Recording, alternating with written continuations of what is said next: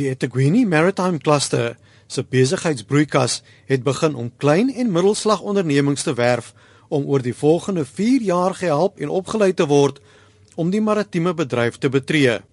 Dit kom nadat die organisasie die afgelope 4 jaar bewustheid help skep het oor die geleenthede in die maritieme bedryf, dit as vakrigting bevorder het en leerlingskappe gereël het.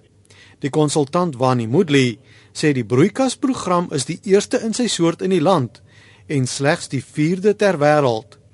Sy sê pogings om die bedryf te transformeer was in die verlede nie goed gekoördineer nie. The efforts in the past have been very limited and uncoordinated, disjointed.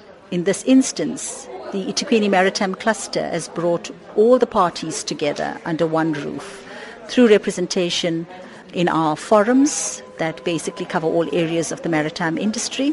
And we believe that this is going to be the solution to the transformation in a very major way. Moodley het by 'n voorligtingsessie in Durban gesê die maritieme sektor is een van die mees ongetransformeerde bedrywe ter wêreld. Die eienaar van SA Shipbuilders, Chris McCann, sê egter daar is 'n wye verskeidenheid sakegeleenthede in die maritieme sektor wat wissel van ingenieurswese en konstruksie tot menslike hulpbronne, regsdienste en maritieme ekonomie. There's no limit to what you can accomplish in the maritime space. Quite clearly, it is a space that is going to explode. From now, it's already started for the next 5, 10, 15 years. So make sure you get on board. Moodley het gewaarsku dat entrepreneurs wat aan die broeikasprogram deelneem, sal moet uithaal en wys as hulle die paal wil haal in 'n strawwe bedryf. You have to have the tenacity. The tenacity to survive in the sector. And if you think entrepreneurship is a difficult sector on its own, try entrepreneurship in the maritime sector. You have to dig your teeth in and fight all the way in order to get where you have to get to.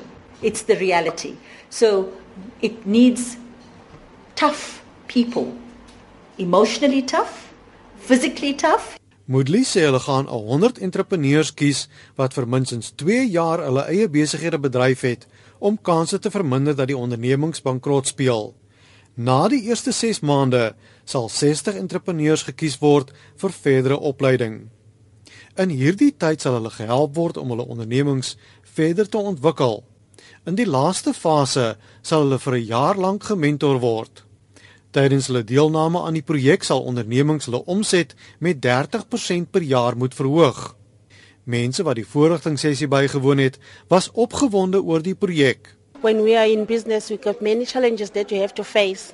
To be with them is going to be easier for us because they'll be mon monitoring us and give us the way forward where we went wrong and where we went right.